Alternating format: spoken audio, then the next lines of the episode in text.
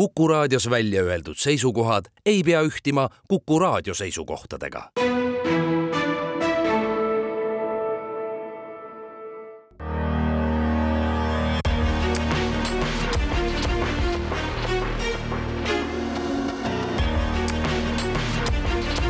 välismääraja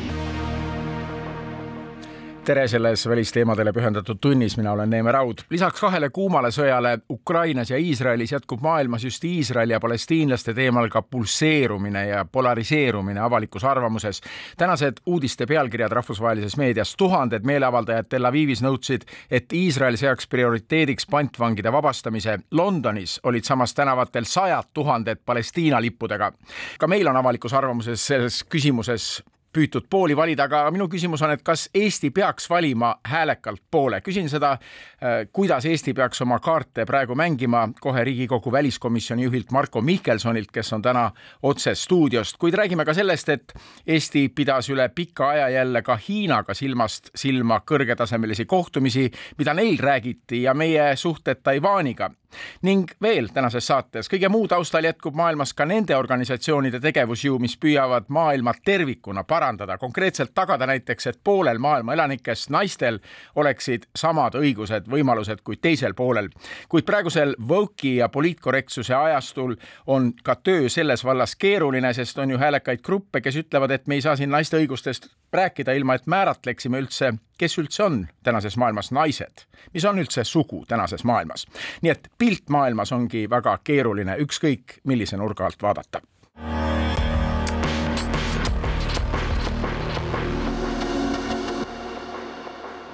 Tere sel pühapäeva keskpäeval, Marko Mihkelson. tere päevast. kohe asja juurde, mil määral tunnetavad Eesti välispoliitika kujundajad, et me peame praeguses maailmas pooli valima? no ma tuletaks meelde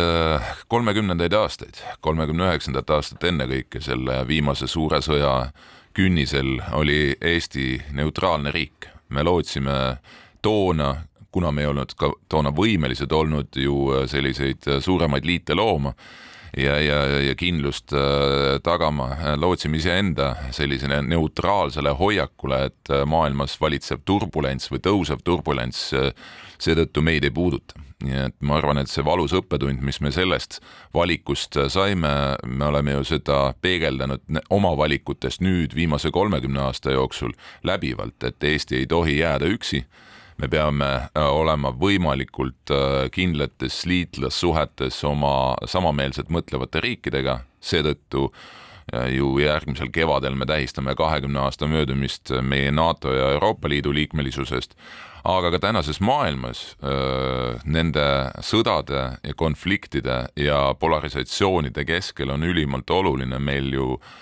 tajuda, mis kaitseb seda korda, seda julgeolekut, seda meie enda rahu siin Eestis. Milline valik? Ja see valik saab olla ainult üks, me peame olema koos samameelsete riikidega, demokraatlike riikidega, kelle suunal on alustatud massiivset sõdade ahelat Äh, Ukrainast äh, Lähis-Idani praegu äh, kindlasti on ohukoldeid ju veel, kui me siin räägime võimalikust Taiwan'i ründamisest Hiina poolt või olukorrast Korea poolsaarel. Ja kogu selle sõdade ahela eesmärgiks on muuta maailma, maailmakorda viisil, et nendesamade demokraatlike riikide, sealhulgas ka Eesti, sõda maailma korraldamisel rahvusvahelistes suhetes Äh, oleks äh, tunduvalt väiksem, kui ta siiani on ja et me peaksime tegema mingisuguseid mõttelisi kompromisse, võimalik, et ka mõnel juhul elude hinnaga autoritaarsete režiimide suunal. nii et selles suhtes minu arvates valik on väga selge ja Eesti välispoliitika on seda suunda ju järginud aastaid nii et välispoliitika maailmas seestpoolt vaadates, see on sõdade ahel, me peame rääkima Ukraina ja Iisraeli sõdadest kui ühest tervikust. ja loomulikult, sellepärast et kui me mõtleme, kes on nende sõdade taga või kes nendest sõdadest sellest segadusest ja, ja sõdadega seatud eesmärkidest ju kõige enam võidavad, siis üha enam me ju kuuleme, näeme ja tajume rahvusvaheliselt, et neli riiki, noh, peamiselt kolm, aga, aga, aga ikkagi Hiina, Venemaa Iraan ja ka tegelikult äh, Põhja-Korea on ju noh, mitte ainult mõtteliselt huvitatud selle maailmakorra muutmisest, ennekõike Hiina loomulikult, aga, aga ka näib, et nad üha rohkem ka tegutsevad koos. Nendel on mitte ainult ühised huvid, aga ka ühised äh, nii-öelda reaalselt liitlassuhted, kui me mõtleme näiteks kas või Iraani droonid äh, Ukraina sõjas või äh, Venemaa tegevus Hamasi toetamisel äh, erinevatel viisidel äh, Iisraeli sõjas, Iisraeli ja Hamasi sõjas. Ja, ja loomulikult taustal Hiina kes tegelikult on oma valiku loomulikult ka teinud, sest tema jaoks on äh, nii Venemaa kui ka Iraan väga head tööriistad omaenda suure eesmärgi saavutamise nimel, milleks on selle sajandi keskpaigaks kujuneda maailma domineerivaks jõuks mul avanes sellest maailmast, just Hiina domineeritud maailmast hoopis teistsugune pilt, kui olin äsja reisil Aasias ja vaatasingi just äh, selle mõttega, et kui välispoliitika saateid teha, siis peab seda maailma ka seestpoolt nägema. Ja see oli just see nädal, kui Hiinas olid kohal saja neljakümne riigi juhid ja, ja valitsusjuhid, kes siis on Hiinalt laene saanud või Hiinast sõltuvad, seal oli ka Viktor Orban ja, ja oli ka Vladimir Putin kohal. Ja sealt avanes see maailmapilt tõesti väga dramaatiliselt, et käibki suur võitlus kahe autoritaarse maailmasüsteemi vahel, mida püüab siis Hiina domineerida ja, ja teise lääneleeri vahel. Jaa, absoluutselt. Ja ega see sada nelikümmend riiki, see on ikka uskumatu arv, kui suure pinnase on Hiina oma mõjukusele maailmas tekitanud. jaa, aga me oleme näinud ju ka viimasel ajal, kasvõi kui me meenutame nüüd seda äh, ÜRO Peaassamblee viimast äh, sellist väga äh, suurt hääletust Iisraeli ja Hamasi sõja kontekstis, me näeme tegelikult ega, ega läänemaailmal sellist püsivat toetust ja samameelsust, liiatigi veel läänemaailma sees, seda nii-öelda kokkuhoidmist ikka napib. ja, ja loomulikult äh, Hiina on ju aastaid töötanud tegelikult selle nimel, et oma mõju kasvatada Aafrikas, Lähis-Idas, Ladina-Ameerikas äh, ja, ja lõpuks ka Euroopas. et ega ka, kui me küsime, et kas meil täna on selline ühtne Euroopa Liidu näiteks poliitika Hiina suunal, no kindlasti mitte vaatamegi Hiina poliitikat natuke lähemalt ja ka Taiwan'i poliitikat, Eesti suhtlust Taiwan'iga, sa olid äh, mitmel sel nädalal Taiwan'i välisministriga siin Tallinnas toimunud kohtumisel tähelepanu keskmes ja, ja laval. Äh, kas seda visiiti oli meile vaja, sest see nähtavalt ärritas Hiinat? loomulikult oli vaja loomulikult oli vaja, mul on hea meel, et äh, Taiwan'i välisminister äh, külastas kolme Balti riiki äh, sellel nädalal äh, ma esimest korda kohtusin temaga augusti alguses äh, Taipeis, kui äh, kolme Balti riigi väliskomisjoni esimehed olid ühisvisiidil äh, seal ja, ja noh, eks tegelikult me peame ju aru saama ja tajuma selle muutuva maailma konteksti, et võib-olla tõesti veel aastaid tagasi Äh, poleks olnud äh, sellistel kohtumistel nii äh, selget seost ja tähendust sellega, millest me just enne rääkisime, ehk siis autoritaarsete režiimide surve demokraatliku maailma suunal kuni selleni, et tegelikult ka demokraatlikke riike rünnata ja nende olemasolu sisuliselt hävitada, mida püüab Venemaa teha Ukrainaga ja tegelikult mida püüab siis Hiina teha Taiwaniga, pidades teda siis justkui oma lahutamatuks osaks osaks. ja eks, äh, eks see on siin äh, jällegi seesama, see vot see esimene küsimus, mis sa küsisid, et äh, valikute küsimus. et me võime ka istuda kuskil aia otsas ja, ja öelda, et kauge teema meid ei puuduta, et las seal saavad omavahel hakkama, aga olgem ausad, et kui peaks Hiina ründama Taiwan'i ja see oht on ju iga aastaga tõusnud ja kasvanud ja me teame, et Taiwan'i elanikest üheksakümmend protsenti ütleb täna, et nad tahavad staatus quo säilitamist, mitte mingil juhul Mandri-Hiinaga äh, nii-öelda ühinemist. Äh, see, et seda muuta, seda staatus quo'd peab Hiina siis võtma kasutusele ja jõumeetodid kuni sõjani välja. ja mida mi meie siis teeme, kas me siis ütleme, et näiteks, et seesama ühe Hiina poliitika, millest Eesti on kinni pidanud koos oma liitlastega, kas see pädeb ka siis ja, ja me peame olema valmis täna juba hakkama nendele küsimustele ette mõtlema ja seetõttu on hästi oluline, et demokraatlikud ühiskonnad nagu Eesti eh, ja teised eh, on eh, eriti viimase paari aasta jooksul aktiviseerinud noh, teatud tasemel suhtlust Taiwaniga. me ju teame neid piiranguid, mis meil on, kuna me ametlikult ei ole tunnustanud Taiwanit riigina ja nad tegelikult seda ka ei küsi meilt. aga see, millist rolli Taiwan mängib oma asendis ja oma demokraatliku ühiskonna nii-öelda kontekstis seal Hiina külje all,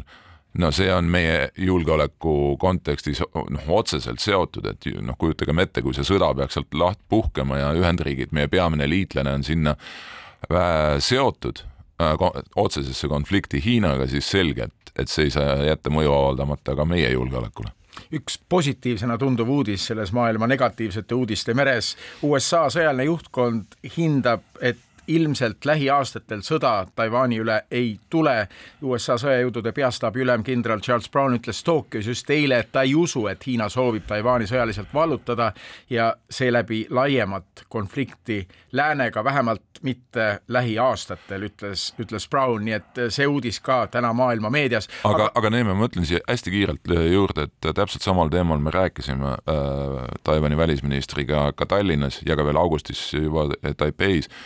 ja ka tema oli nõus sellega, kui ma ütlesin, et äh, Hiina väga täpselt jälgib, mis toimub Ukrainas.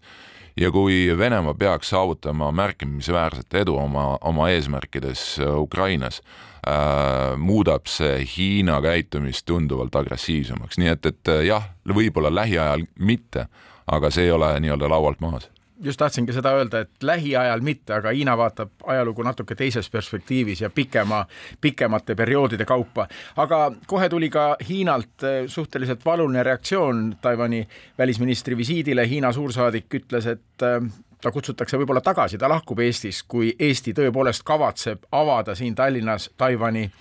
siis Taipei kultuuriesinduse Taiwan'i nime ei kasutataks. küsisin Välisministeeriumi poliitika küsimuste asekantslerilt Küllike Sillaste Ellingult mõne päeva eest eh, just seda, et, et suursaadiku lahkumine riigist, see oleks ikkagi diplomaatilises mõttes väga no märgiline samm, kuulame seda intervjuud. suursaadiku lahkumine, isegi sellega ähvardamine on diplomaatias väga suur asi seda ta on, ta on suur asi ja nagu nad alati ütlevad, Taiwan on nende jaoks punane joon. aga noh, no võib-olla natuke vara on praegu öelda täpselt, kuidas nad äh, kavatsevad nii-öelda reageerida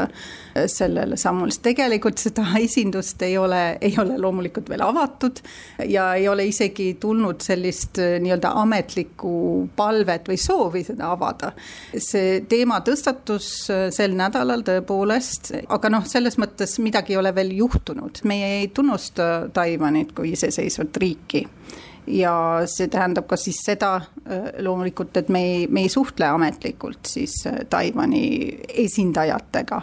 Aga see kultuuriesindus, see oleks siis mitteametlik? jah, see oleks mitteametlik selline majandus- ja kultuuriesindus, neid esindusi on, on Taiwanil väga, väga mitu äh, Euroopas, mujal maailmas, üks on vist isegi Moskvas,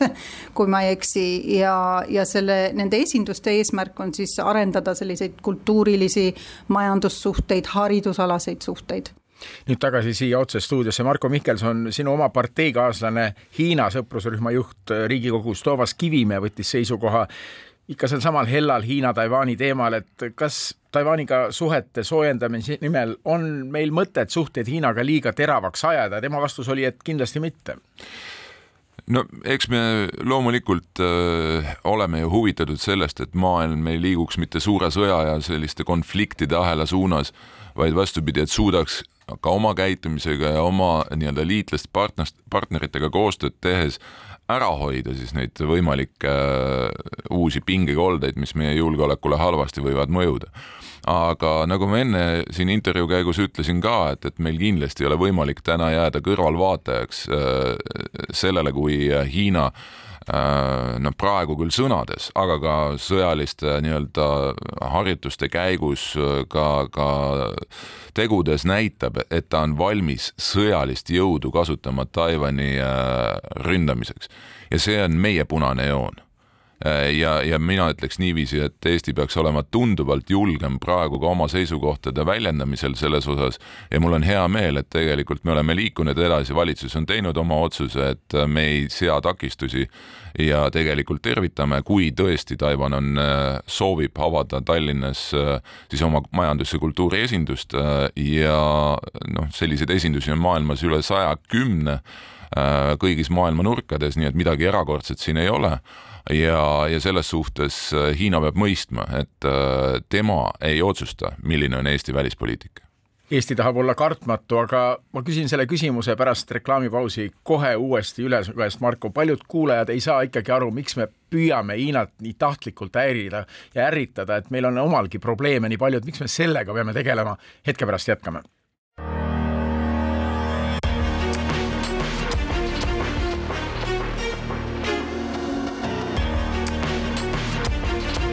välismääraja. välismääraja stuudios Riigikogu väliskomisjoni juht Marko Mihkelson. Eesti peab olema oma välispoliitikas sõltumatu, väärtuspõhine, samas meie suuremad liitlased ka ikkagi ütlevad, kuidas nemad näeksid, et maailm peaks olema. Ameerika ütleb, et Taiwan'i tuleb kaitsta, Taiwan'i eest tuleb seista, see on ajalooliselt Ühendriikide seisukoht. kas me peame kas me tunneme mingit survet, et me peame võtma selliseid seisukohti või, või see ongi see meie sõltumatus, et me saame ise öelda ja kui sõltumatud me üldse maailmas oleme, et siin on nii palju küsimusi, mida neid uudiseid lugedes ja neile mõeldes pähe tuleb ähm,?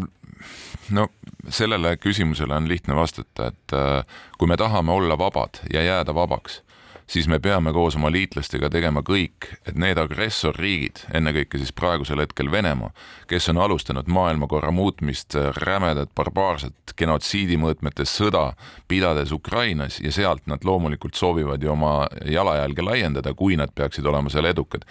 siis kas meil on tänases maailmas valikuid? see ei ole see maailm enam, kus kohas me saaksime rahulikult mõelda, et et me ei, me oleme, hoiame poolsuud kinni siin või et ei tee seda ja, ja laseme ühel autoritaarsel režiimil nagu äh, siis äh, tegutseda oma mõju kasvatamisel. Või me koos liitlastega ennekõike ikkagi töötame rahvusvaheliselt selle nimel, et äh, kaitsta seda maailmakorda ne, neil reeglitel põhinevat maailmakorda mida lammutatakse praegu Venemaa, Hiina poolt ennekõike, et äh, sellistel vabadel demokraatlikel väikeriikidel, nagu seda on Eesti, oleks ikkagi perspektiiv ellu jääda. Ja, ja siin me peame, siin ei ole mitte midagi teha, me peame just ka nendest väärtustest lähtuda, lähtuvalt oma välispoliitilisi äh, hoiakuid seadma, mitte loomulikult äh, ise nii-öelda Äh, noh, konfliktidele nagu hagu alla andes, aga me peame ka aru saama, et äh, võlts selline vaikus äh, ainult soodustab autoritaarsetele režiimidele enesekindluse kasvu ja samas võib muidugi väita, et ajame pragmaatilisi suhteid nii Hiinaga kui Venemaaga, et meie majandus saab tulu ja me saame vähemalt oma elujärjes ma, elu nautida. ma tuletan meelde, kuidas Soome püüdis pragmaatiliselt Venemaaga täpselt samadest põhimõtetest lähtudes äh, siis suhted ajada, kuni ühel hetkel saadi aru, et äh, see ei vii mitte kuhugi ja Soome on täna NATO liikmesriik Eesti samas jätkab Hiinaga ikkagi suhtlemist, Hiina on niivõrd oluline suur riik, Küllike Sillaste-Elling, Välisministeeriumi poliitikaküsimuste asekantsler, käis hiljuti Hiinas, see oli esimene kõrgetasemeline Eesti ja Hiina vaheline kohtumine. Ja küsisin talt, millised meie suhted siis Hiinaga praegu on, need suhted, milles me jätkame siiski mingisuguse koostöö arendamist. Ja esimene küsimus, mida ma küsisin, oli see, et kas sõna pragmaatilisus on see, millest meie suhete arendamine Pekingiga praegu eelkõige lähtub. sõbralikeks meie suhteid nimetada ilmselt ei saa, aga pragmaatilisteks ja ma ütleks pragmaatilisteks äh, ja ka võib-olla võiks öelda noh, sellisteks stabiilseteks või ütleme rahulikeks kohtumine oli asevälisministriga Deng Liga ja siis oli üks kohtumine ka kommunistlikus parteis, noh, peakorteris. ja need olid poliitilised konsultatsioonid, ehk siis äh, kõrgema ametnike vahel sellised konsultatsioonid, mis meil vanasti toimusid üsna regulaarselt, nüüd on olnud pikk paus äh, Covidi ja muudel põhjustel. viimati tegelikult kohtuti näost näkku seitse aastat tagasi, vahepeal on toimunud ka videokohtumisi ma ütleks, väga huvitavad olid ja, ja vajalikud, see rääkima peab, dialoogi peab pidama. Hiinat kindlasti ei rõõmustanud see, et Eesti astus välja formaadist, mis oli varem kuusteist pluss üks, nüüd siis neliteist pluss üks. see oli selline formaat, mis loodi juba rohkem kui kümme aastat tagasi, aastal kaks tuhat kaksteist, kui ma ei eksi. platvorm, mida hiinlased kasutavad selleks, et äh, suhelda nii kahepoolselt kui multilateraalselt siis äh, teatud Euroopa riikidega. me lahkusime, sest et me leidsime, et see on teatud mõttes lõhestav formaat, me ei tahtnud seal olla. me pigem tahame oma suhteid Hiinaga ajada kas kahepoolselt või siis arendada neid ka läbi Euroopa Liidu formaadi. Eesti kuulus sinna formaati päris mitu aastat, me otsustasime eelmine aasta sellest lahkuda see on Hiina nii-öelda juhitud loodud formaat, sinna täna kuuluvad mõned Kesk-Ida-Euroopa riigid ja Balkani riigid. selline grupp on ja Kreeka on vist ka seal ka liige nüüd. millest veel rääkisite, mis olid veel teemad, mis laual olid? no ma ise tõstatasin muidugi Venemaa agressiooni Ukraina vastu, et see on meie jaoks põhiprioriteet ja, ja ma kirjeldasin seda olukorda, et see on meie jaoks eksistentsiaalne küsimus ja ma tahtsingi seda rõhutada neile, ka julgustada neid, et nad suhtleksid äh, Ukrainaga ka. Hiina püüab olla ju ka rahu vahendaja ka Ukrainas, Hiina püüab oma diplomaatiat maailmas mitme erineva nurga alt arendada mm. -hmm. ja seda küll, see, see huvi on neil olemas, muidugi nad, nad räägivad, et nad tahavad rahu ja selleks on vaja kiiresti relvarahu loomulikult me kõik tahame rahu, aga samas äh, Venemaa tungis Ukrainale kallale. Ukrainal on, on seega õigus esiteks iseennast muidugi kaitsta, aga teiseks ka siis ise otsustada, mis tingimustel ta on valmis maha istuma ja relvarahu sõlmima ja ka rahu pikemas perspektiivis. nagu neil konsultatsioonidel ikka, Hiina kuulas Eesti seisukohad ära, noogutas, võttis teadmiseks, aga nende poliitika jääb ju ikkagi pragmaatilised suhted Venemaaga ennekõike jah, seda küll, seda küll, nad ütlesid, neil on ka väga pikk piir Venemaaga ja nad tahavad äh, Venemaaga häid suhteid äh, omada. Kas rääkisite ka Hiina ja Ameerika Ühendriikide suhetest, seal on toimumas mingisugune soojenemine? Jah, me natuke puudutasime neid teemasid, äh, kuna tulemas on vist nüüd väga varsti ka üks suur Aasia, Aasia tippkohtumine, mis toimub Ameerikas ja. San Franciscos ja seal peaks siis president Xi ja president Biden kohtuma. just nimelt, just nimelt, et see kohtumine on ees ja üleüldse on, on näha, et ma ei tea, kas seda võib soojenemiseks nimetada, aga kindlasti on, on kontaktid tihenenud hiinlaste ja ameeriklaste vahel. seda eelkõige, sest ameeriklased ise ka ütlevad, et nende huvides on omada selliseid noh, vähemalt stabiilseid mingeid suhteid Hiinaga. et nad sellist noh, konfliktiolukorda nagu ei soovi ja tahavad, tahavad rääkida, nii et USA välisminister tegelikult tegi visiidi Hiinasse mitte väga, väga ammu ja päris palju kontakte on olnud. ja samas on Ühendriikides ikkagi väga palju neid, kes ka praeguste sõdade, Ukraina sõja, Iisraeli sõja taustal ütlevad, et Hiina on meie peamine prioriteet või peab olema meie peamine prioriteet, sest Hiina on see riik, kes tahab tervet maailma muuta. Jah, nii on, nii on ja see on ka väga selgelt sõnastatud USA julgeolekustrateegias, kus nad ütlevad väga selgelt, et Hiina on, on nende arvates kõige suurem oht neile pikaajaliselt, kõige suurem oht. meie oleme loomulikult USA leeris maailmas, kas Ameerika selgitab meile, kuidas me peaksime Hiinaga suhtlema, kuidas see lääne leer tervikuna peaks Hiinaga suhtlema? me kindlasti räägime nendega nendest asjadest ja me räägime oma suhetest Hiinaga. ja meie jaoks ongi väga oluline, et oleks siin nii-öelda lääne leeris äh, ühtsus, mis puudutab Hiina poliitikat. nii et need arutelud käivad ja, ja ma arvan, need on väga kasulikud olnud tuleme nüüd konkreetselt Eesti ja Hiina suhete juurde, mis meil siis laual suhetes on, kas majandussuhted on ikkagi number üks teema? Jah, ma ütleks, et see on väga oluline, et tegelikult äh, kaubavahetus Hiinaga on, on täiesti olemas, isegi natukene kasvanud viimastel aastatel. see on täiesti normaalne, Hiina on lõppude lõpuks maailmas ju teine majandus suuruselt, nii et see loomulikult meil on, meil on majandussuhted nendega, nendega tähtsad. Äh, väga palju investeeringuid võib-olla ei ole, aga noh, see kaubavahetus on, on siiski tähtis. palju on ju räägitud, et Hiina ikkagi ei saa Euroopa Liiduga tülli minna, et see on Pekingi jälle sõnaga pragmaatiline otsus, et me peame vaatama Euroopat kui suurt turgu ja vaatama Euroopat kui terviklikku turgu, et siin on mõningane erinevus võib-olla Venemaast, kes püüab ikkagi Euroopa Liitu lõhestada, et Hiina näeb Euroopa Liitu tervikuna pigem jah, näeb küll tervikuna, kuigi noh, nagu ma enne mainisin, neil on ikkagi sellised ka eraldi formaadid, nagu näiteks nüüd see neliteist pluss üks, mis mõnes mõttes võib öelda, et on, on veidi lõhestav. aga nagu ma ütlesin, need suhted siis nii-öelda ametliku Euroopa Liiduga on viimasel ajal äh, tihenenud. väga paljud äh, Euroopa Komisjoni volinikud on viimastel nädalatel ja kuudel külastanud Hiinat, nii et näiteks sel päeval, kui mina olin Pekingis, siis oli Pekingis ka äh, Euroopa Liidu kõrge esindaja Joseph Borrell. kui ma ei eksi, samal ajal oli ka seal äh, energiavolinik Kadri Simson ja neid volinikke käib seal väga palju, sest et tõepoolest need majandussuhted on väga tihedad. Van der Leyen ka ju käis, äh, käis Hiinas ja, ja see huvi siis nagu neid suhteid ka viia sellisele pragmaatilisele rajale on, on täiesti olemas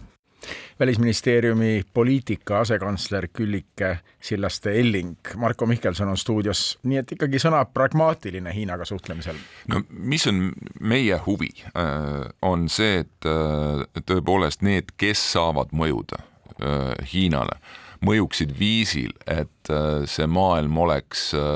ikkagi noh, kui sa kasutad sõna pragmaatiline ja konflikte välistav, et me suudaksime nii-öelda seda, ka seda muutuvat maailma mõjutada diplomaatiaga, mitte sõdadega. Ja, ja, ja see on meie lootus ja si sinna paneme kindlasti oma panused, aga me ei tohi ka naiivselt arvata nüüd, et e, Hiina kuulab meid ja noh, teeb sammud tagasi. Neil on väga pikaajaline plaan ja kindel teadmine, kuhu nad liiguvad ja mida nad selleks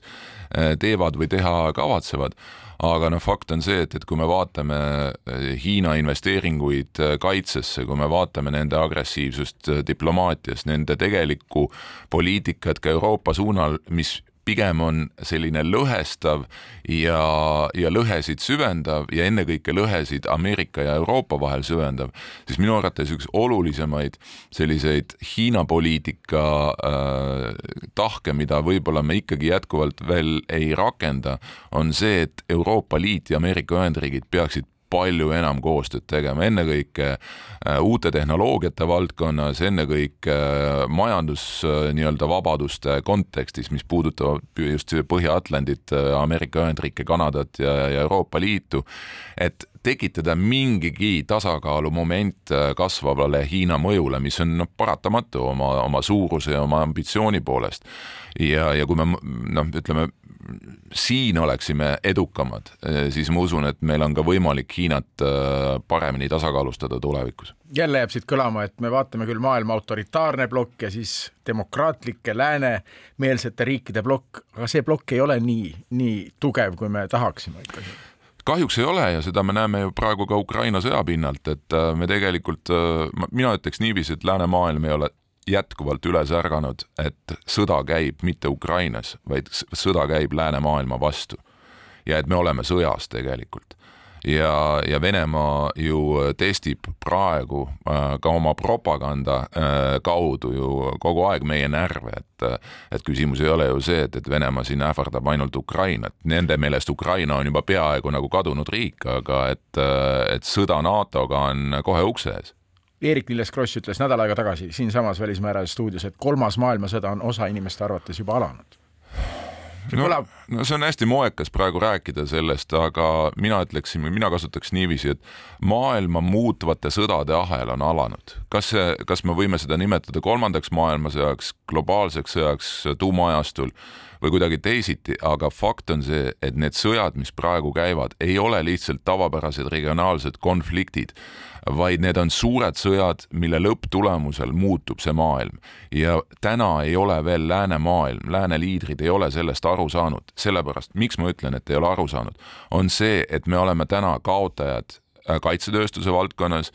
Äh, me ei ole suutnud panna oma kaitsetööstust tööle sõjaaja tingimustes, sellepärast et äh, lääneriigid ju ei taha tunnistada, et me oleme sõjas tegelikult, jah, kaudses, aga ikkagi sõjas Venemaa toodab täna kaks korda rohkem suurtükimürske, saades ka veel abi Põhja-Koreast, Iraanist, mujalt eh, kui lääneriigid kokku, Ameerika Ühendriigid ja Euroopa kokku ja iga päevaga kaotab Ukraina meie vabadust kaitstes kümneid, kui mitte sadu inimesi ja me teame, et Ukraina inim nii-öelda ressurss on tunduvalt piiratum, kui see on, äh, kui see on Venemaal. samal ajal mõtlevad lääne liidrid, ennekõike näiteks liidukantsler Scholz Saksamaal, kas anda tiibrakette Taurus äh, Ukrainale või mitte anda või kui anda, siis millistel tingimustel. et minu arvates äh, noh, tänaseks peaksid olema igasugused tabud maas, me peame aru saama, et kui me ei vii Venemaad selles sõjas strateegilise lüüasaamiseni, võime olla meie järgmised, kes, kelle julgeolek on reaalselt ohus, mitte ainult teoreetiliselt täna räägitakse maailmas veel ühest teooriast. The Guardianis ilmus artikkel, seal kõneleb NATO endine peasekretär Anders Fogh Rasmussen, kes on pikalt teinud tihedat koostööd Ukraina presidendi nõuniku Andrei Jermakiga ja ta pakub välja sellise võimaliku lahenduse, et Ukraina võetaksegi kiirelt NATO-sse ja neis piirides, nagu ta praegu on, miinus siis Venemaa poolt okupeeritud alad, see ei oleks sõja külmutamine, vaid NATO-poolne selge näitamine, et Venemaa ei saa takistada Ukraina NATO-sse astumist püüdes seda igati pikendada ja venitada, et ka sellised stsenaariumid käivad maailmas praegu ringi? no ma oleks kahe käega selle poolt, mida Rasmussen räägib, et, et mitte ainult rääkida, vaid ka reaalselt nüüd teha need sammud ja esimene võimalus selleks on ju NATO järgmisel tippkohtumisel Washingtonis aga me nägime Vilniuses, kui katki me selles oleme. isegi teema, äh, selle nii-öelda Ukraina võimaliku NATO liikmelisuse teema toomine Vilniuse tippkohtumise päevakorda oli väga keeruline, meie diplomaadid tegid suurepärast tööd koos partneritega, et see jõuaks nii kaugele, nagu ta lõpuks jõudis. aga Venemaa ju näeb ja, ja, ja saab aru, et meil ei ole siin ühist nägemust ja arusaamist, me kardame Venemaad me, ma mõtlen tervikuna ja seetõttu ei, ei suuda võtta sellist ühispositsiooni, et Ukrainale tuleb anda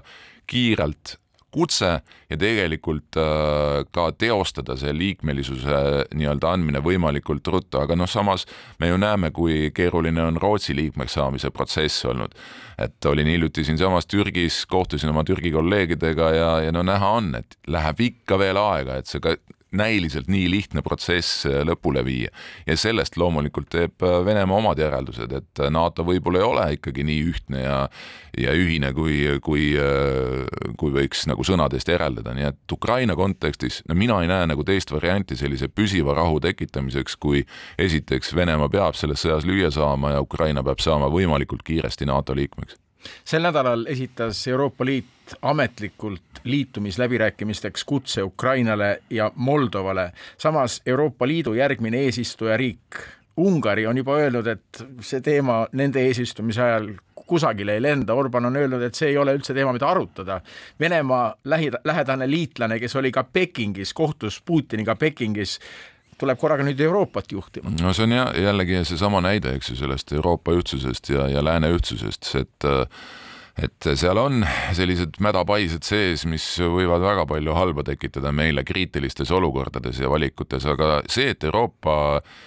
liit ja Euroopa Komisjon sellise soovituse tegi, et nii Moldova kui ka Ukrainaga alustada liitumiskõnelusi, ma tuletan meelde, enne kahekümne neljandat veebruari kaks tuhat kakskümmend kaks ei tahtnud ükski Euroopa suurriik kuulda isegi mõttest, et need riigid võiksid saada Euroopa Liiduga ühinemise perspektiivi. kui palju on selle kahe aastaga muutunud olukord ja, ja see on loomulikult meie jaoks on positiivne areng, aga me peame silmas pidama, et, et see ei ole teost, seda ei saa teostada kiireloomuliselt ja, ja Euroopa Liit ei taga nii-öelda seda julgeoleku konteksti. ta loob äh, loomulikult täiesti uue re reaalsuse Euroopas, aga selle reaalsuse saab kaitsta ainult äh, NATO laienemine, ainult Ukraina võtmine NATO-sse ja loomulikult Ukraina võit selles sõjas toon veel ühe teema saatesse, meie peakonsulaadid New Yorgis ja San Franciscos ja nende sulgemine. välisministeeriumi seisukoht on ühtne, sulgeme. Teie Riigikogus, sina konkreetselt jätkate võitlust nende ellujäämise nimel? no täpsem oleks öelda niiviisi, et loomulikult äh, Riigikogu eesmärk on ju aru saada nendest valikutest, mida valitsus teeb äh, äh, siis eelarve küsimustes ja me jätkame komisjonis ka selles osas Äh, väga põhjalikke arutelusid, eeloleval nädalal ka kohtume Ameerika Ühendriikides elavate eestlastega ja organisatsioonide esindajatega, et nende äh, ka seisukohti kuulata. tegelikult, mis on meie põhiline huvi, on see, et seesama, mida me siin saates oleme rääkinud, see turbulentne maailm ja meie julgeolekule kasvavad ohud ei, me saame neid äh, tõrjuda ainult kahel viisil. üks, me paneme oma kaitsesse usutava jõu koos liitlastega näitame, ükskõik kes tahaksid Eestit rünnata, et see ei lähe läbi. aga me peame aru saama, et meie edu on ka seotud sellega, kui tugevad me oleme diplomaatilisel eesliinil ja, ja kui me sellises olukorras vähendame ressurssi meie diplomaatias, paneme kinni esindusi oma peamise liitlase juures, ei ole see väga hea signaal tänases maailmas meie jaoks Marko Mihkelson, Riigikogu väliskomisjoni esimees, aitäh. ja hetke pärast tore, naiste õiguste kaitsjad arutavad, kuidas naiste õigusi kaitsta, kuid noored küsivad, kes üldse on naised, kuidas vanakooli feministid sellega tegelevad, et naiste õigusi kaitsta, uurin kohe hetke pärast globaalselt naiste õigustega tegelevalt Marianne Mikolt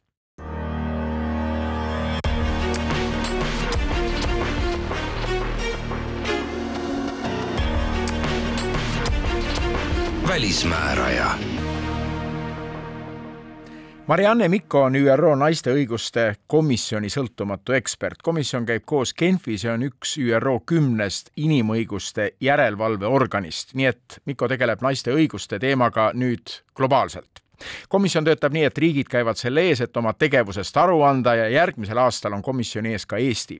Marianne Mikko ise küll sellel kuulamisel eestlasena osaleda ei saa, aga ikkagi olles teemaga palju tegelenud, mida saab Eesti siis raporteerida nüüd naiste õiguste vallas? ma vaat ei saa nüüd sulle vastata.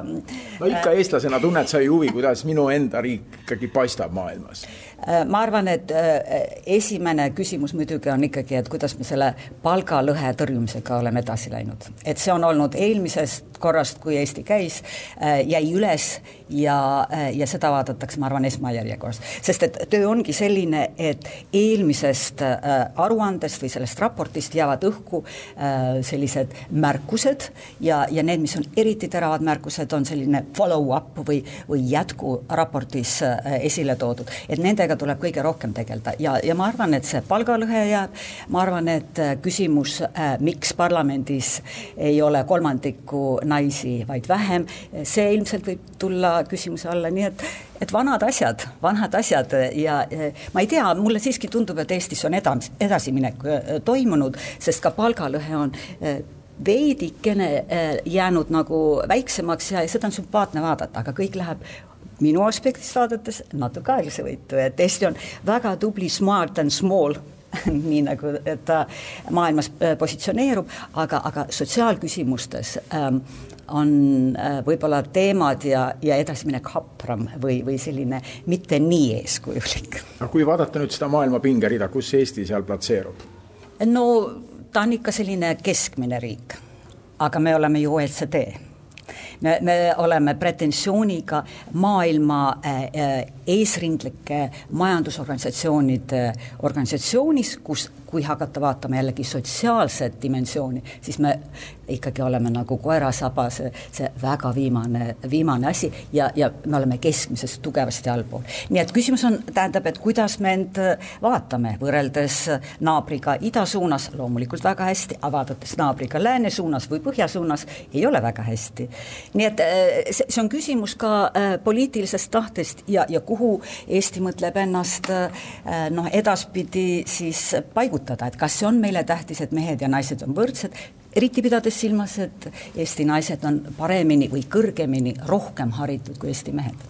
Kui me vaatame põhja poole või vaatame konkreetselt just Rootsi poole ja ka Soome poole, siis äh, feministlik välispoliitika on üks teema seal olnud, kuigi Rootsis väidetavalt hakatakse sellest natuke taganema, aga ikkagi välispoliitika hindamine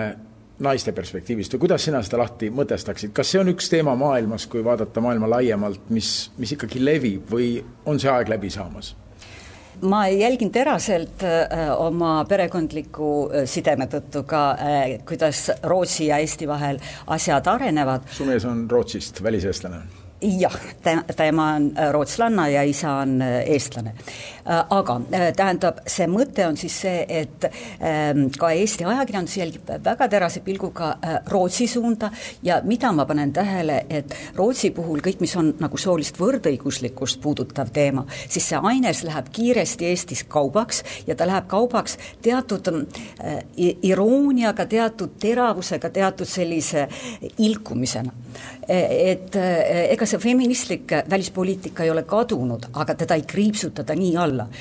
küll aga võib ütelda, et aga küsigem, kas äkki on mõned muud riigid, kes on võtnud selle termini üle ja kui me kuuleme, et üle on võtnud termini näiteks Saksamaa, siis on see hoopis ju teistmoodi. lühidalt öeldes on see, et äh, maailmale on kasulik, et meil ei oleks liiga palju vaeseid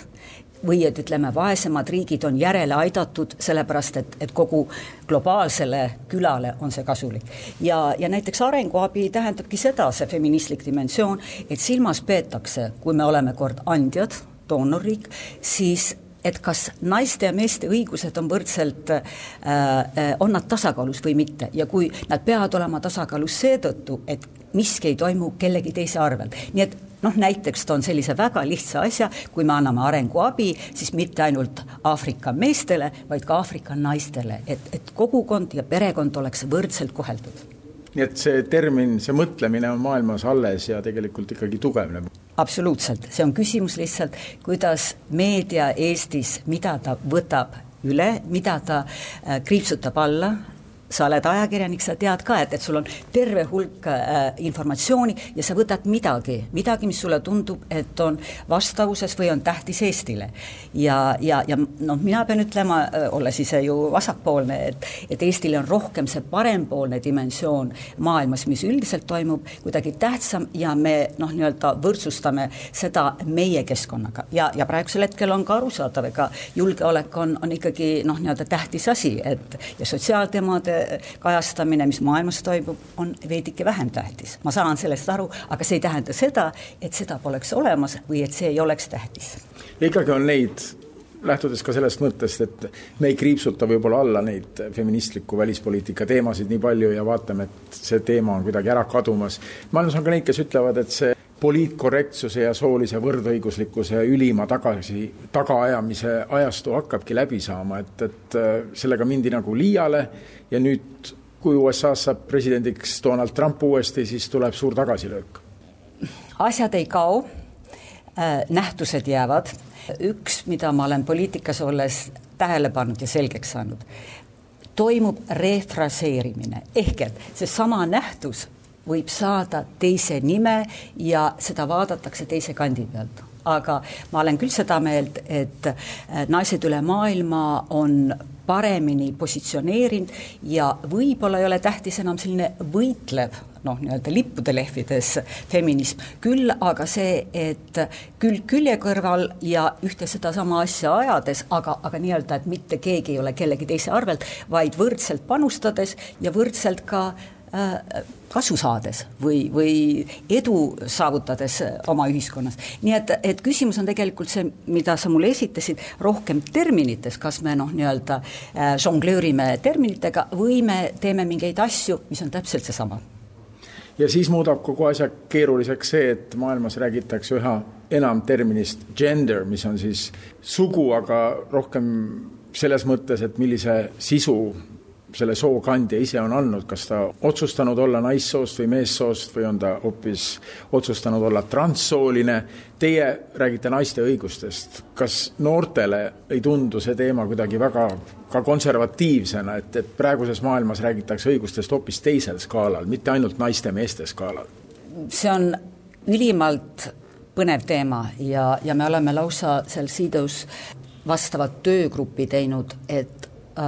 välja töötada, mis on õigupoolest meie arusaamine, just seesama transsoolisuse asjus ja, ja kus on selline fluiidne, äh, tähendab sooidentiteet. ja seetõttu ma ei taha äh, sellel teemal liiga palju sõna võtta, sest see ei ole päriselt olnud minu uurimisobjektiks või, või huviorbiidis. aga see on teil ka teema absoluutselt, tähendab, et kogu maailm jookseb ju meile sinna Genfi kokku ja,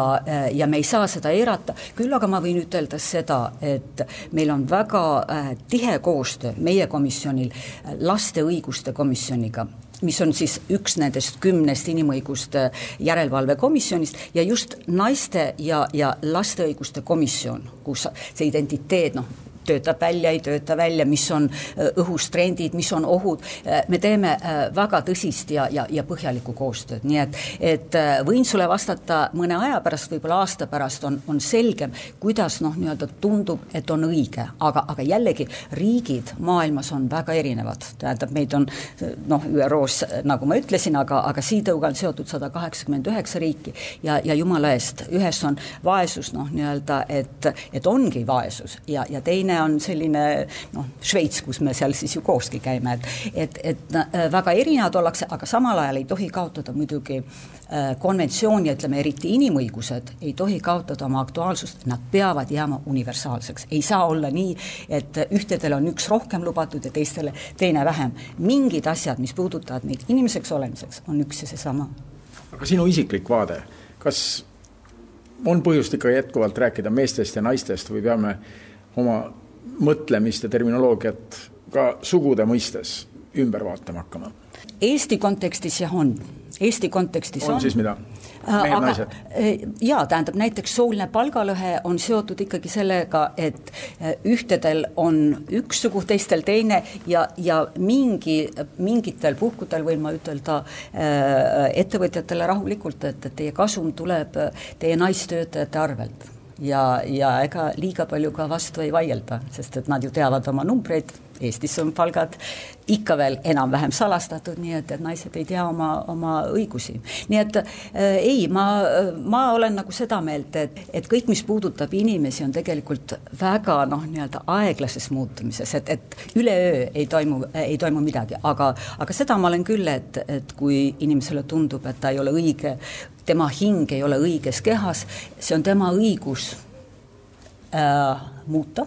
seda olukorda ja, ja nüüd on võib-olla küsimus, mille puhul ma võin küll oma isiklikku arvamust avaldada, et et see ei tohiks olla liiga noorel hetkel. see, see peab olema siiski siis, kui sa oled juba eh, nii-öelda, kannad vastutust iseenda eest, sest uuringud ka näitavad, et, et alati ei pruugi juhtuda see, et sa oled kõige õnnelikum siis selles uues kehas ja, ja siis tagasipööramine jälle oma vanasse kehasse, et et võib-olla ei peaks inimene katsetama olla äh, õnnelik, tähendab lihtsalt su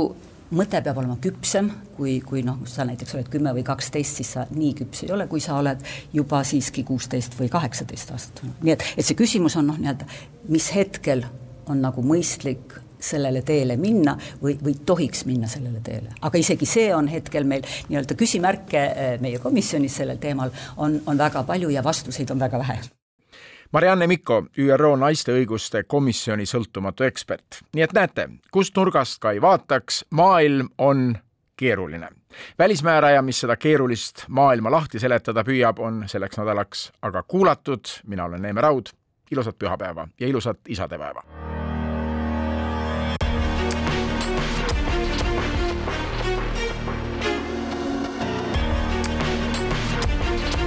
välismääraja